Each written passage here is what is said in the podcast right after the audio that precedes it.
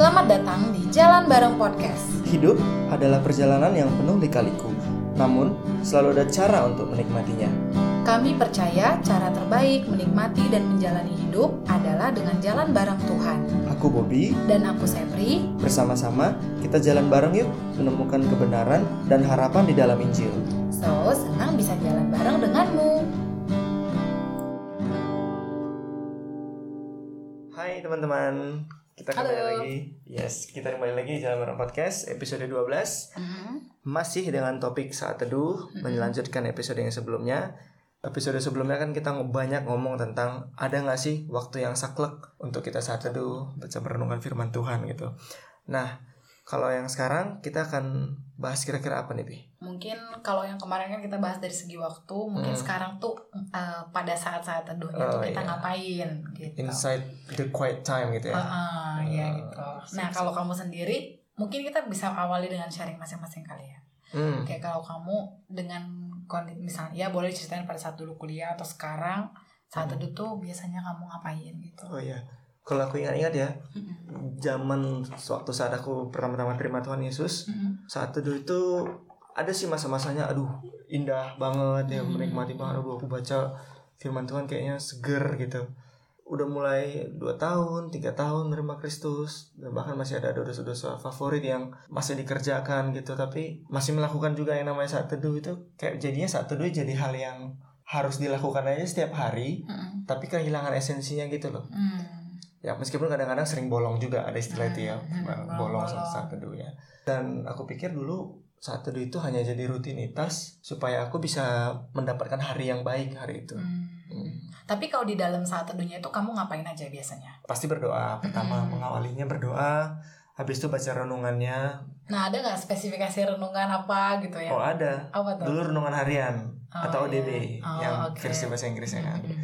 Kenapa karena di ODB itu adalah sebenarnya aku cheat sih dulu ya Mm-mm. karena harusnya baca Alkitabnya baru baca ceritanya kan Mm. Kalau aku merasa baca Alkitabnya agak boring, aku Hmm. langsung baca ceritanya doang loh. Mm, baca renungannya. Baca renungannya doang. Dan aku nggak baca Oh. Alkitabnya, padahal firman Tuhannya itu yang penting kan. Mm. Uh, renungannya itu bagaimana si penulis mengelaborate oh. ayat firman Tuhan. Iya benar. Itu kan pengalaman dia ya. Oh, oh, oh. Tapi aku pengen baca pengalaman dia langsung gitu. Iya, Dan di bawahnya tuh ada quote-quote quote misalnya. quote iya Nah, benar iya setuju sih Kalau kamu ya? Iya, aku kalau lebih sama sih Hmm. Eh, saat teduhnya ya doa. Kan aku sebenarnya udah tahu saat teduh dari kecil banget ya karena ngeliat si mama kan Oh, gitu. setiap hari gitu. Terus dulu juga sering banget waktu aku kecil tuh setiap pagi kami dibangunin tuh terus berdoa sama-sama saat teduh sama-sama. Jadi aku udah tahu Amazing. format. Enggak maksudnya aku udah tahu formatnya gitu. Iya, iya. Iya pasti diawali doa dulu. Kalau semangat banget, eh kalau misalnya ada lebihan waktu nyanyi tuh biasa sama. Setelah doa terus baca Alkitabnya, baca firman Tuhannya, habis itu renungan, baca renungannya itu. Hmm. Setelah itu baru doa tutup. Nah, doa tutupnya itu biasanya ya list-list. Misalnya waktu itu pagi-pagi ya saya pri apa ada ulangan apa misalnya Bora atau Hmm. siapa-siapa gitu. Si- Waktu itu ada abang-abang juga yang tinggal di rumah ya itu juga ikut didoain kayak gitu sih. Format itu ke bawah sampai ya sampai sekarang.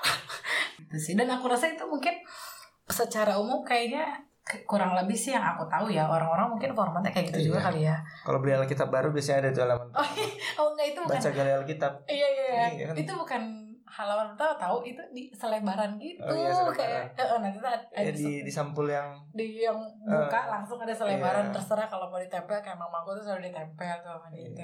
Mantap. Oke. Oke. Nah, baik, mungkin sekarang kita mbak eh, apa titik berat episode ini adalah di bagian renungkannya kali ya. Hmm. Kadang aku nggak tahu teman-teman ya. Kalau aku pribadi suka bingung ini teh ngapain sih? Iya kan Iya kayak iya betul betul. ini teh ngap ini Renungkannya apa yang mau Iya, direnungkan gitu iya, ya? dan kayak, eh, terus jadi kayak cuman berakhir sebagai krik krik krik krik gitu. Kalau sekarang cuman kayak merenungkannya tuh ya udah bising aja gitu semua. Hmm. Maksudnya ya Apalagi kayak, kalau bangunnya telat nggak ada renungan Wah nggak ada cuman baca doang. Merenungkannya mungkin di hari itu gitu. Tapi kan tetap kita butuh tahu kan Hmm. renungkannya tuh apa sih gitu. Mm-mm. Oke kita di sini akan ambil perikop dari Mazmur 1 Kita Mhm. nggak akan baca uh, semuanya Meskipun teman-teman kalau mau buka Mazmur 1 itu sangat indah Mm-mm. Tentang jalan orang benar dan jalan orang fasik. Di situ dibilang kita baca yang ayat 1 dan 2 ya. Berbahagialah orang yang tidak berjalan menurut nasihat orang fasik, yang tidak berdiri di jalan orang berdosa, dan yang tidak duduk dalam kumpulan pencemooh. Tetapi yang kesukaannya ialah Taurat Tuhan dan yang merenungkan Taurat itu siang dan malam. Nah, di sini indah banget dikatakan di situ orang yang berjalan di dalam jalan orang benar itu adalah orang yang merenungkan Taurat Tuhan Taurat atau Tuhan, firman ya. Tuhan. Mm. Ya, dan kapan? Siang dan malam. Mm-mm, betul. Ya. Nah, Di situ kan ada kata merenungkan Mm-mm. ya. Ya, Mm. ayat 2 ya. Ya aku pernah baca sih merenungkan itu sebenarnya artinya tuh kalau di bahasa Inggris tuh to matter, Hmm. Uh, matter yang uh, artinya komat kamit kayak Hmm. ngomongin terus uh, kata-kata tertentu gitu atau ngomongin terus hal tertentu atau di bahasa Inggrisnya juga diartikan meditate kan, Uh, Hmm. meditate firman Allah gitu. Jadi mungkin bisa tuh berikut berikutnya kalau di dalam episode ini kalau teman-teman mendengar kita bilang meditasi atau meditate ya mungkin jadi bisa tahu bahwa arahnya adalah ke merenungkan, gitu Merenungkan. karena mungkin next kita akan menyebutkan merenungkan itu adalah dengan meditasi gitu. Oke. Nah kalau yang menurut kamu meditasi itu konotasinya apa biasanya? Wah, dulu pernah aku Hmm. waktu masih punya akun Facebook ya. Heeh. Aku nanya tuh ke Bang Mangapul. Nanya Iya. apa? Oh nanya yang itu ya? Nanya tentang apakah orang Kristen tuh boleh bermeditasi seperti gaya agama-agama timur, Heeh. seperti mengosongkan diri. Heeh. Kemudian ada cakra-cakra dan mantra-mantra yang diucapkan Ini sebagai kamu ini kamu nanya ke Bang Iya? Bang Mangkul sebagai suplemen dari saat teduh gitu. Heeh. Terus dengan tegas Bang Mangkul bilang, "Tidak ada di dalam Kristenan hal, hal seperti itu." Wah, langsung aku langsung tahu lah aku tuh salah gitu pasti udah. Nah, gitu ya. iya dan akhirnya memang agak aneh sih memang waktu kuliah tuh aku banyak mencari mencari-cari apa ya Insight lain gitu iya kali insight ya. lain kayaknya menerima Kristus sebagai Tuhan dan Juru Selamat itu dan kita selamat kayaknya kurang Too deh easy gitu ya. Iya tuh easy kayaknya kan harus ada cara gitu supaya kita tuh melebihi apa yang kita sebelumnya gitu seperti agnostik gitu ya. Oh iya ya, Nah, dan- iya juga sih. Nah aku jadi ber- aku berpikir kayak gitu tuh yang Hmm. meditasi itu Jadi kayak kosongkan diri jadi di semesta ini bisa memenuhiku dan dengan cara itu aku bisa lebih bijaksana dan Hmm. Oh. segala macam lah intinya yang apa maksud waktu itu apa yang aku kejar Iya, waktu iya, itu iya. Iya benar sih. Tapi memang sih meditasi identik dengan hal itu ya. Walaupun Hmm. sebenarnya per definisi kalau yang kita tadi sempat lihat di kamus, sebenarnya meditasi itu adalah fokus kepada satu hal. Hmm. Yang mana kalau pada saat kita fokus tuh nggak mungkin bisa kosong nggak sih pikirannya. Justru Iya. kita harus sekuat tenaga mengarahkan pikiran kita kepada hal itu kan. Hmm. Sebenarnya per definisi per definisi kan gitu. Dan Alkitab pun kalau di yang Mazmur itu kan sebenarnya mengarah kepada hal yang sama ya Hmm. bahwa meditasi itu ad- adalah merenungkan firman Tuhan tuh pikiran kita tuh fokus kepada uh, firman Tuhan kepada Allah dan kebenarannya gitu lebih dari sekedar membaca iya lebih dari sekedar kayak aku dulu ya kalau lagi saat teduh tuh mencari Bible trivia gitu Hmm. misalnya oh ternyata Yakub tuh anaknya ada sekian Hmm. namanya ini urut-urutannya terus oh yang ini ternyata artinya apa kata ini tuh artinya apa kayak gitu-gitu yang yang mana bagus juga untuk kita ketahui tapi bukan itu sebenarnya tujuan kita saat teduh kan bukan Iya. cuman untuk mendapatkan informasi tapi yaitu di ayat 3 tadi yang Mazmur 1 itu kan ayat 3 kenapa eh, orang yang benar itu kan yang merenungkan Taurat itu siang dan malam. Berikutnya ia seperti pohon yang ditanam di tepi aliran air menghasilkan buahnya pada musimnya dan tidak layu daunnya apa saja yang diperbuatnya pasti berhasil gitu.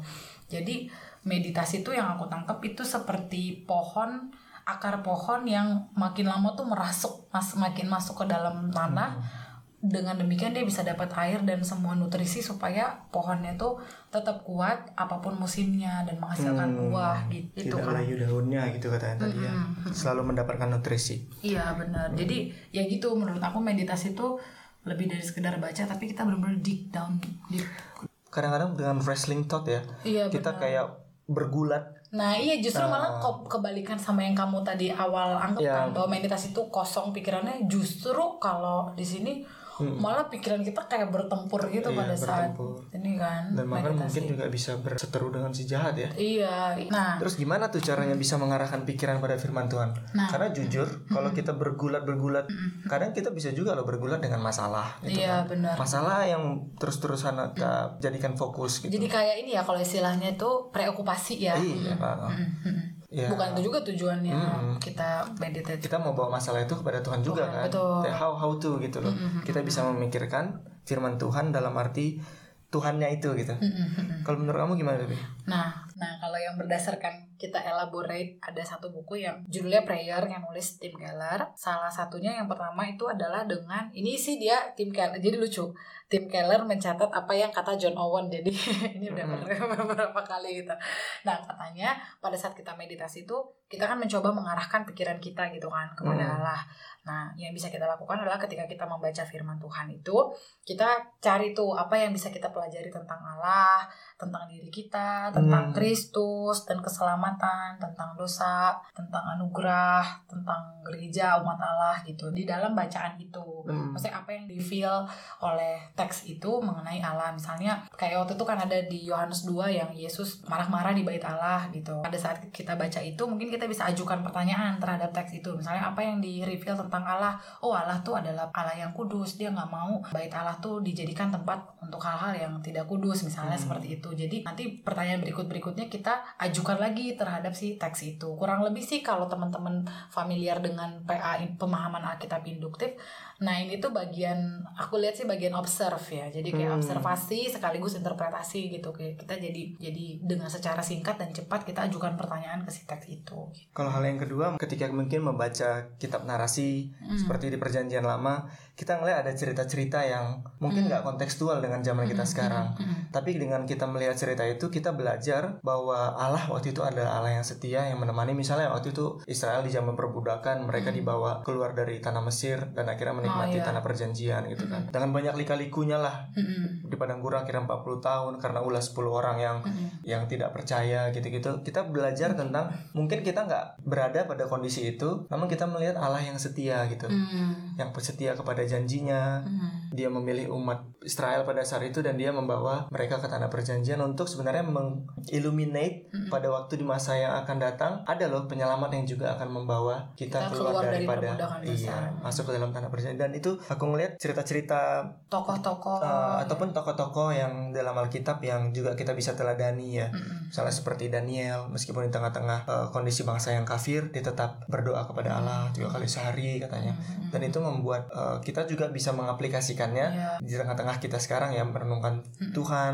mungkin nggak bukan tiga kali seharinya yang kita ambil tapi Ya, tapi kelekatannya sama kepada Tuhan. Kayak gitu gitulah dan kita juga bisa belajar tentang perintah spesifik kayak yang Oh. tadi di pagi mungkin di gereja ya berani iya. bahagia gitu Hmm, hmm, hmm. dari Matius 5 kita ada per- uh, ucapan-ucapan bahagia dari Kristus itu langsung bisa applicable Iya, kan betul. Uh, Heeh. berbagi orang yang berduka cita gitu-gitu Hmm, atau ada larangan yang menjaga kita supaya tidak hmm. jatuh ke dalam dosa-dosa tertentu misalnya kan ada uh, janganlah kita sama seperti bangsa lain yang mabuk Hmm, misalnya iya, gitu kan betul, yang betul. atau janganlah engkau serupa dengan dunia ini Iya. gitu atau yang berikutnya kadang-kadang misalnya waktu kita saat teduh ada em, ayat-ayat Alkitab yang singkat nah mungkin bisa tuh kita bedah kata per kata jadi hmm, misalnya nih ya yang Yohanes 15 gitu yang pokok anggur iya Nah, itu kan kalau kita bedah kata per kata bisa kelihatan tuh kata apa yang sering Paling muncul sering, Nah, ya. ya kata yang paling sering muncul kan abide abide with me tinggal, Ah, tinggal di aku. dalam aku, firmanku tinggal di dalam kamu gitu.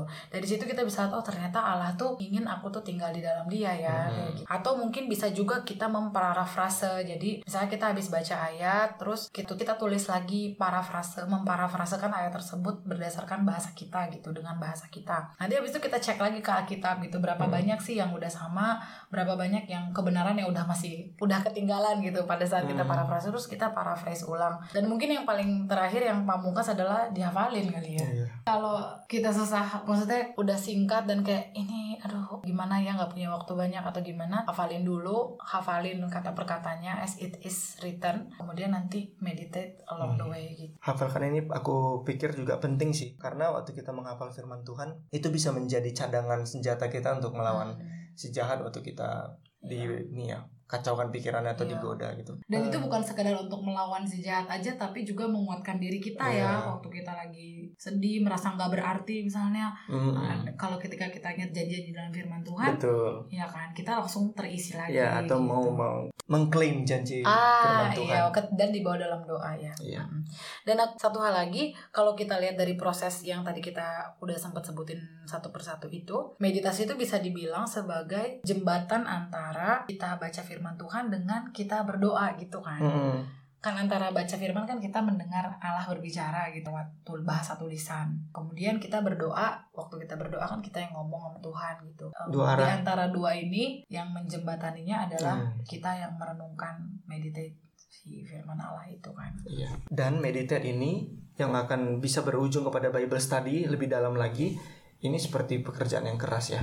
Ah. Ini adalah kalau dari kita lihat langkah-langkah yang tadi, ini tuh pekerjaan yang sebenarnya nggak gampang gitu, ya kan? Dan ini butuh Roh Kudus untuk menemani kita Iya. dalam proses meditate tadi. Mm-mm. Tapi kalau kita nggak ingat itu, kita bisa nyerah gitu.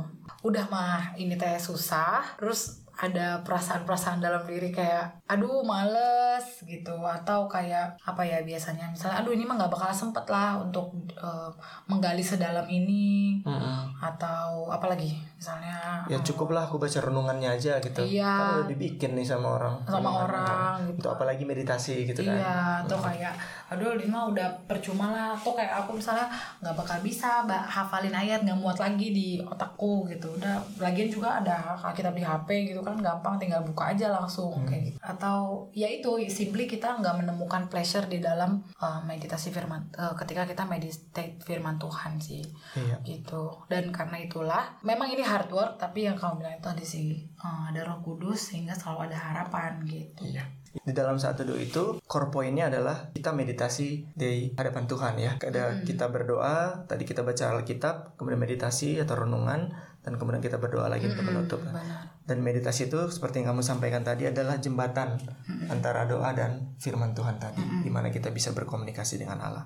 Dan itu hanya bisa dengan pertolongan Roh Kudus dan anugerah Roh Kudus itu sendiri. karena sehidup kita tuh semuanya karena anugerah jadi ya bahkan untuk saat teduh dan bisa mengerti Hmm. si firman Tuhan ini pun karena anugerah juga gitu Iya. jadi waktu kita berdoa di awal sebelum saat teduh ya mintalah pertolongan Roh Kudus untuk Betul. bisa mengerti firman Tuhan terus juga waktu Disingkapkan. disingkapkan Hmm. kebenarannya Iya. kebenaran tentang Allah diri kita gitu Iya. karena kan katanya Alkitab seperti cermin kan Iya. Maksudnya kita ngelihat diri kita bobrok-bobroknya, jelek-jeleknya, apa yang harus dipoles. Nah untuk hal tersebut mintalah pertolongan Roh Kudus gitu. Iya. Dan kadang ada hari yang di mana kita nggak mood untuk saat teduh, tetaplah saat teduh. Meskipun itu hari yang mungkin buruk bagi kita, tapi ingatlah Atau kita firman lagi nggak mood gitu ya. Ya atau nggak mood, ingatlah firman Tuhan itu selalu ada tempatnya di hati kita Iya, betul. dan akan membuat kita bisa punya perspektif lain. Selalu ada harapan lah Nah, intinya meskipun harapan. Hmm. meskipun susah untuk bisa fokus, meskipun susah untuk bisa konsentrasi, mengarahkan hati sepenuhnya. Tapi ketika kita menyediakan waktu, Tuhan tuh tahu kok dan dan biji-biji yang kecil itu juga bisa bisa mendatangkan buah kan kalau misalnya Tuhan Iya.